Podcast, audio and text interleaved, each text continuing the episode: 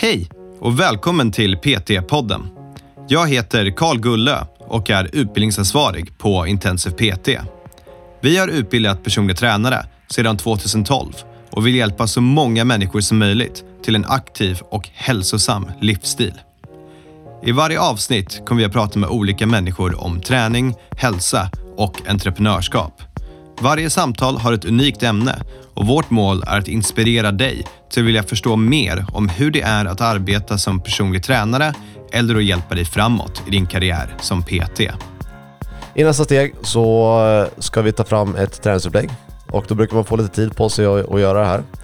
Och eh, det finns egentligen inget rätt eller fel. Idag ska jag och Andreas dela med oss om våra erfarenheter som examinatörer på olika praktiska prov. Det här är någonting du behöver göra om du ska söka jobb någonstans och det blir en sorts arbetsintervju för att se hur du presterar med en klient. Så idag kommer du få tips och tricks så att du kan dominera det praktiska provet. Ja, hörni, återigen, det finns inget att vänta på. Nu kör vi! Okej, så varmt välkomna till PT-podden allihopa. Allihopa, skulle du inte säga till mig? Nej, eh, jag säger det till våra lyssnare och sen Okej. så tyvärr har vi med oss Andreas här också som ska uh, briljera. Tack så mycket Karl. Eh, Det vi tänkte prata om idag är väldigt viktigt. Det är hur man ska ja, dominera eller hur det kommer se ut på ett praktiskt prov om man ska söka jobb någonstans som personlig tränare. Har du någonsin varit tvungen att göra ett praktiskt prov, Andreas? Jag har faktiskt inte gjort det för att jag eh, jobbade som PT innan det här blev en grej. Så att, eh, men jag har däremot varit med att administrera några stycken. Så jag har varit eh, examinatör kanske man säger. Jag vet inte. Ja, vi har ju haft en del människor hos oss som vi har kollat på eh, när, ja, när vi har funderat på att anställa dem för att se hur de presterar med olika typer av klienter. Så det vi gör nu är, ja, först och främst kan vi ju tillägga att det kommer vara annorlunda på olika typer av anläggningar, så det är inte i regel så här det kommer se ut, men samtidigt så finns det bara några olika sätt att testa någon och se hur de är med olika typer av klienter. Och du skrev ett blogginlägg om det här och jag vet att du tycker om dina blogginlägg och använder det som någon sorts mall. Så vad är det första du vill prata om? Först och främst ska vi nämna då att man kan förvänta sig att man ska behöva göra ett sånt här prov om du söker jobb på en anläggning. För det har blivit någon typ av standard. Det spelar ingen roll vad du har för licens, hur mycket du har jobbat som PT tidigare, om, även om du känner de personer som äger det här gymmet. De kommer vilja se att du eh, kan kommunicera med klienter på ett vettigt sätt, att eh, så som du jobbar med klienter passar till deras anläggning, att det går hand i hand med deras policies och allt sånt där. Eh, Så att förvänta dig att du får göra ett praktiskt prov. Ja, vilket är väl egentligen en helt vettig grej också, att man ska göra det. Jag tycker det är konstigt att man inte har ett teoretiskt prov också. Ja, att man faktiskt. kompetenstestar. För att jag skulle inte vilja ha någon som inte kan till exempel akut omhändertagande. Det Nej, kan gå absolut. riktigt illa. Absolut. Eh, så när man får utföra det här provet då, hur brukar det se ut? Jag tycker att man ska se det som att det är ett skarpt läge. Du, du ska inte skilja på ett praktiskt prov och hur du behandlar en person som kommer in som en potentiell klient. Så det betyder att allt som du kan tänkas behöva göra i form av att samla in information, sätta mål, allting sådär, bara att du kanske komprimerar det så att Säg att du har allt från typ 45 minuter över de kortaste praktiska proven som jag talas om upp till en och en halv, kanske till och med två timmar för det här arbetsprovet. Eh, och på den tiden ska du hinna göra allt som du behöver för att eh, eh, ja, samla information, sammanställa information, bekräfta att du har förstått det här, utföra ett träningspass, utvärdera träningspasset. Så det, det är ganska eh, kompakt. Men, men det här kan ju bli lite svårt för folk, för om man inte har jobbat som PT förut så kanske man inte har den erfarenheten av att göra det och så blir man väldigt, väldigt nervös när man ska göra det här. Så kan man förbereda sig innan det praktiska provet genom att öva. Absolut. Och sen tror jag att, eh, ni pratade i, podcasten om, om sunt förnuft tidigare och på det här stadiet, i, i det här läget så finns det ju inte studier på hur man ska bemöta en eh, klient utan här är det använt ditt sunda förnuft. Så säg att vi har en, en skarp situation här. Du kommer till det här gymmet och ska göra ditt arbetsprov. Det första du kommer göra är att du kommer få en person framför dig som säger att okej, det här är då din potentiella klient. Så det första steget då handlar ju om att samla information för att du kan inte börja träna med den här personen utan att veta någonting om den. Och då gör du den här konsultationen eller din hälsodeklaration eller vad du nu kallar det för. Och här har jag mitt första riktigt bra tips. Det här vet vi att det kommer hända på ditt praktiska prov. Förbered dig på det. Vi har ju massa fina mallar kolla igenom dem, se om det finns någon av dem som du gillar. Och det är ungefär samma frågor. Det är eh, hur gammal är du, vad jobbar du med, vad har du tränat förut, vad har du för mål med din träning, vad har du för skador, vad har du för förutsättningar till träning, eh, tar du några mediciner? Samla in så mycket av den här informationen som möjligt, allt du känner att du behöver för att göra ett bra jobb.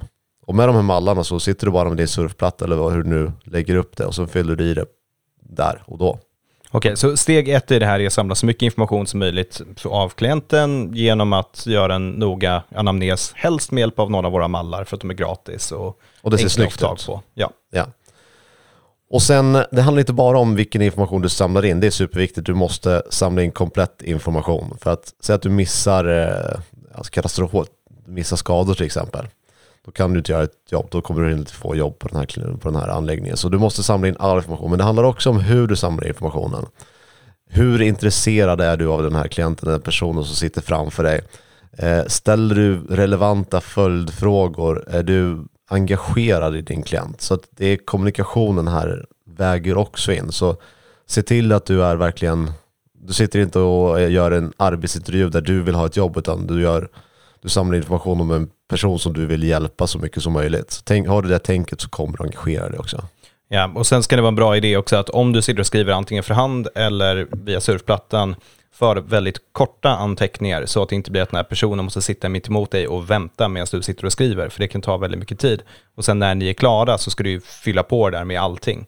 Men att du skriver ner sammanfattningar av allting. Ja. För det är inte jättekul att sitta och kolla på någon som sitter och skriver. Nej, och eh, ja, det är, det är en bra punkt också för att när du har samlat in all informationen då har du förmodligen skrivit någon typ av stödord eller då har du antecknat väldigt simpelt.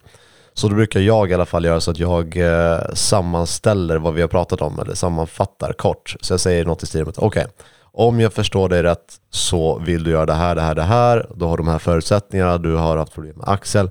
Så jag, jag liksom bara bekräftar att jag har förstått hela upplägget. Så klienten ska egentligen bara svara ja eller nej när det är klart och helst då, ja, perfekt, precis så. Ja, och det visar ju både att du har förstått allting, så du kan bekräfta det, men det skapar också momentum med den här klienten, att de verkligen känner sig, ja, som att du är engagerad och lyssnar och bryr dig. Exakt, här är en person som har förstått vad jag vill. Ja. Efter det här steget så ska vi samla in lite praktisk information och eh, då brukar jag ha tre stycken eh, moment här och den ena är en, en kroppssammansättning och då kan man göra dem med kaliper eller med måttband eller med en impedansvåg, en tanita eller en inbody eller vad man nu har tillgång till. Eh, det andra är att göra olika typer av screeningprocesser, kanske titta ledvinklar och rörelser. Och i det tredje så kan man titta på prestationstester, att man kanske testar maxpulstester eller eh, något styrkemoment eller någonting sånt här. Och här, vi kallar det här för tester, de här tre punkterna. Se till att du väljer relevanta tester. Det ska inte gå för mycket tid här. Och det ska heller inte vara irrelevant för just den klient som du har. Så har jag till exempel en person som har en del skadeproblematik och smärta så lägger jag nog ganska mycket tid på just det här screening och rörelse. Har jag en person som har eh, alltså kosmetiska mål som vill ner massa i fett till exempel, då kanske jag fokuserar på de här mätningarna istället och kollar fettprocenter. Medan har jag en elitatlet eller någon som vill prestera så gör jag nog mer av styrka och eh, prestationstesterna. Så testa rätt sak, lägg inte för mycket tid på det för att det är sånt som man löpande gör med klienter. Alltid. Absolut, så när du har en så kallad riktig klient, då kanske man lägger ner mer tid på det. Men här så får du verkligen välja det som är 100% relevant och köra på det. Ja. I nästa steg så eh, ska vi ta fram ett träningsupplägg och då brukar man få lite tid på sig att, göra det här. Och eh, det finns egentligen inget rätt eller fel. Eh, det finns bra eller mindre bra upplägg. Men så länge du kan motivera varför du gör som du gör så kommer det inte vara några problem. Så säg att du har hittat en imbalans mellan höger och vänster ben till exempel, att vi har ett väldigt dominant ben så kanske man istället för att ta knäböj kanske man väljer utfallssteg och precis så motiverar vi det valet också. Eh, och har vi en person som vill, eh, ja, som vill gå ner i vikt så kanske vi väljer övningar som, eh, som kanske inte bygger lika mycket på enledsrörelser som så biceps curl till exempel utan vi väljer ja, mer relevanta övningar för en sån person. Det, det, så enkelt kan det vara. Absolut, du kan göra hur enkelt eller hur komplicerat du vill, men tipset är att verkligen hålla det enkelt. Jag, jag tror att på det här tillfället att ha någon som har eh, instabilitet eller starkare på höger eller vänster sida, det, det kommer du nog kanske inte stöta på och vara tvungen att tackla i den hela tiden. Eh, däremot så om du har någon som är som, ja, kanske vill träna överkropp eller bygga stora bröstmuskler och du säger ja, men perfekt, då går vi och gör knäböj. Då har du gjort rakt av fel, för du har inte gjort någonting efter den klientens önskan. Men så länge du kan motivera vad du gör i linje med vad det är de har bett om så kommer det inte vara några problem. Och håll det enkelt så kommer det gå bra. Ja, och även, alltså det där är ju extremt. Om man gör ett sånt misstag då kommer man inte få jobb någonstans. Nej, men du Men då även på, på en, en lite djupare nivå, om en person pratar om att de vill bli stark, eh, så kanske man inte spenderar jättemycket tid på enleds isolerade rörelser, utan man kanske väljer rörelser som man kan flytta mer vikt på. Och eh, ja, så att vi har anpassad rörelse för skador. Också superviktigt. Eh, men det är viktigt att du har en tanke bakom allting. Och eh, jag brukar tycka om att förklara för klienten varför jag väljer som jag gör. Så jag kommunicerar det med klienten samtidigt som jag gör det. Det bygger eh, compliance, det bygger förtroende för mig som PT. Det visar att jag inte bara plockat övningar utan jag har valt det som är bäst för klienten. Så ska vi genomföra det här träningspasset och då exekverar det precis som att det har stått. Var beredd på att det kan dyka upp loops. Så- Ja, ibland gillar de curveballs, att du har gjort ett, eh, en plan för en klient och sen så när du väl får träffa klienten så visar det sig att eh, de kan inte röra vänster axel eller någonting sånt. Då är det att vara snabb på att hitta alternativa sätt att lösa det på. Ja, eller oj, nu var allt det där upptaget eller det där var trasigt, nu kan vi inte göra det, vad ska vi göra istället? Ja, absolut. Så skala uppåt och neråt och eh, använd substitut. Eh, så ska vi ta oss igenom hela det passet. Eh, efter den så ska vi på något sätt eh, kommunicera med klienten. Hur gick det? Hur, hur kändes det? Eh, vad funkade bra, vad funkade inte? Och under tiden, det ska vi också nämna, vi har ju en hel kommunikationsprocess under själva passet också. Och det är sånt som du gillar Karl, hur man ger feedback och hur man kommunicerar och hur man får klienten att förstå vad man vill. Vad har du att säga om det?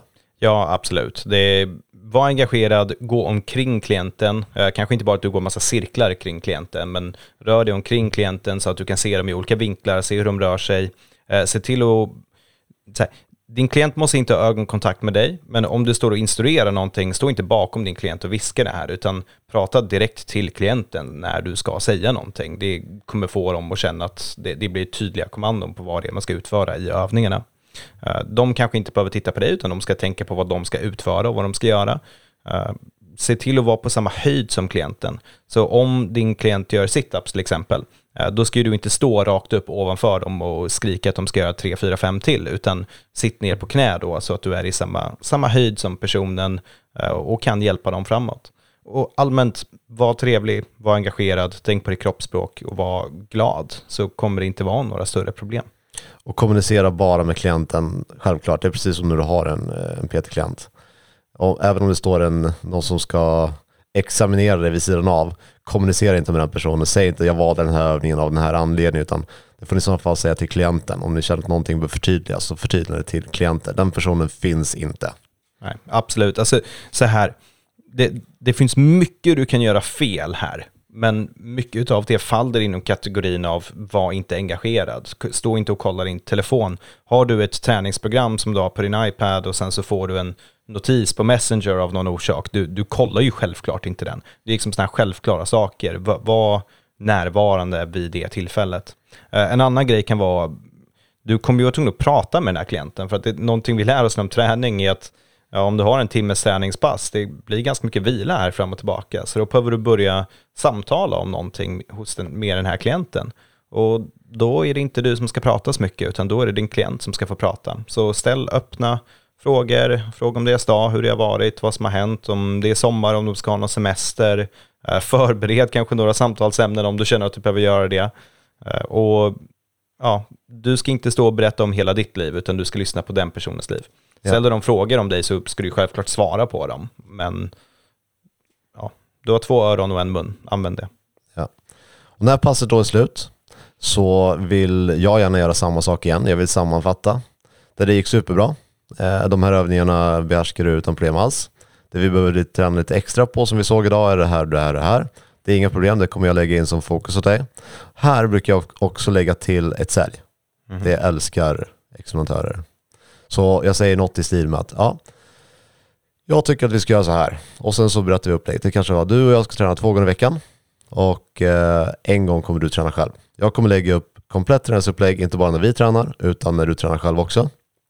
Eh, fram tills vi ses nästa gång så vill jag att du skriver en eh, kostavbok. Vad, hur mycket och när du åt saker. Så kommer vi kolla över din kost också för det är en del av ditt mål. Och sen innan du går ifrån så ska vi boka in en ny tid. Ja. Där är ett hundraprocentigt Ja, absolut. Då kommer, de, då kommer folk tycka om dig. Ja. Och sen får du förvänta dig efter det här är slut, då kan du skicka hem klienten när, när du har sagt så. Så kommer du förmodligen få lite följdfrågor av eh, din examinatör.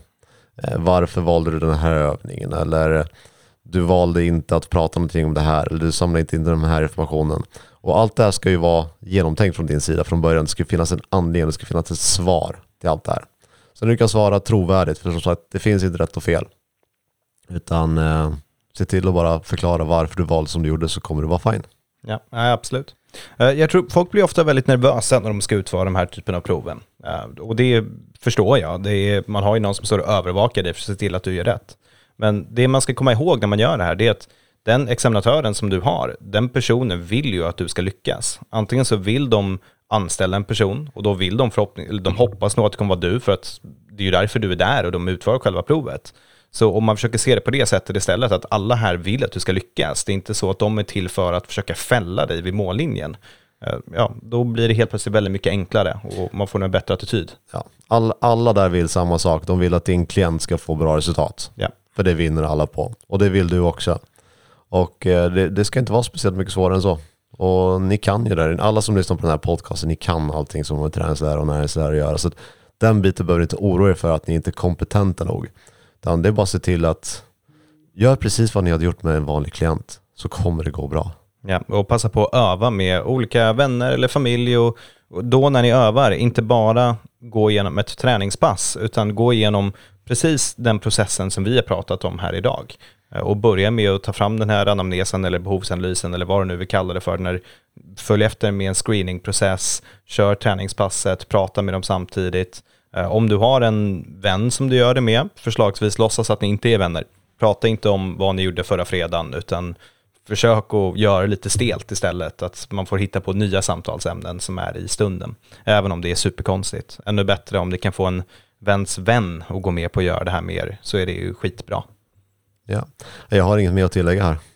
Jag funderar på eh, vad som, ja, vanliga fel som man kan göra. Saker som verkligen kan göra så man inte får jobbet. Alltså jag tror att, ja, men vilka, vi tar det så här då. De som du har haft praktiska prov med som du valde att inte anställa, vad gjorde de för fel? Yes, så någonting är att inte matcha det klienten ber om med vad det är man gör. Så jag, jag har sett till exempel att man har eh, klient och säger, ja men det här är en person, då är det typ ni ska göra en övning, ni ska göra knäböj eller något sånt till exempel. Eh, och så har det varit att man har screenat personen, så har man sett att ja, men de har inte rörlighet i fotled, så det blir svårt för dem att göra knäböj till exempel. Eller det kommer inte vara perfekta knäböj. Så istället då för att köra knäböj och försöka lösa det under den här timmen genom att inte komma lika djupt eller vad som helst, eh, då har man spenderat hela timmen på att göra rörlighetsträning för fotleden istället. Och i regel tror jag det det är bra att man sitter på den kunskapen, men i praktiken så är det totalt missat behovet hos den klienten. Men det kommer någon och signar och försöker ha 10 PT-timmar med dig och öva på ja, bli starkare och du säger att ja, du har inte rörlighet för det, så det enda vi gör då är rörlighetsträning. Det, de kommer ju dra, sen kommer de inte ha en PT längre. Då har du inte mött deras behov på något sätt. Ja. Jag kom på en till sak som jag ser ibland. Och det är personliga tränare som tror att ju mer komplicerad övning jag lär ut, desto mer kompetent ser jag ut. Och det är precis raka motsatsen. Absolut. Så jag ser de konstiga sakerna. En klient som har helt vanliga mål vill bli stark i bänkpress. Och så gör man några konstiga armhävningar med någon boseboll eh, på händerna och T-rex i fötterna. Det finns liksom ingen mening med att göra sådana grejer. Nej, håll det enkelt. Och jag kom på en till där när du säger det också. eh, Och det är att använda ett språk som klienten förstår. Eh, Jag har haft det här och så har- jag sett liksom att PT-erna bara, ah, men okej, då ska vi göra en flexion i QBT och vi ska ja, allmänt använda det språket istället. Och klienten bara, va? Vad Ja. snackar du om liksom? Och det, det blir inte heller något bra.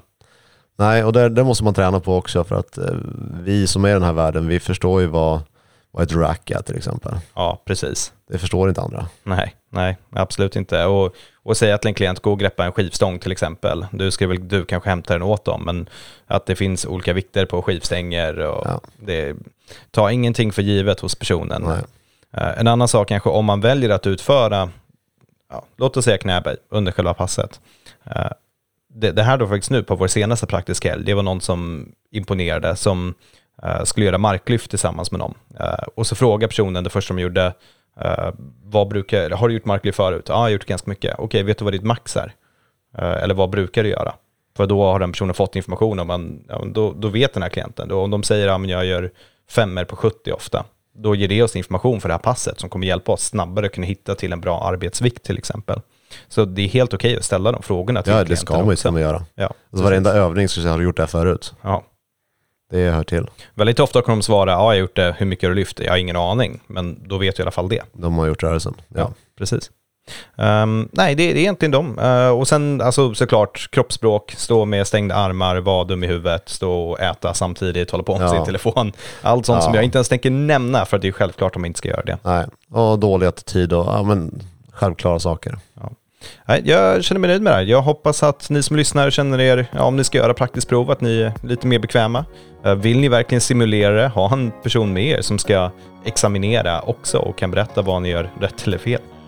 Inte alls dumt. Nej, inte alls dumt. Så jag har bara en massa bra idéer. Hörni, tack så mycket för idag. Kul att ha dig med Andreas och lycka till på era prov. Ha det så bra.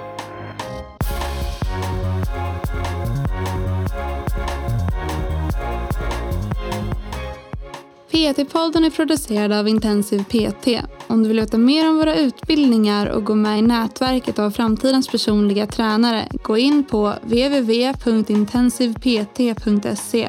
Vi har kursstarter varje månad och du kan studera helt i ditt egna tempo.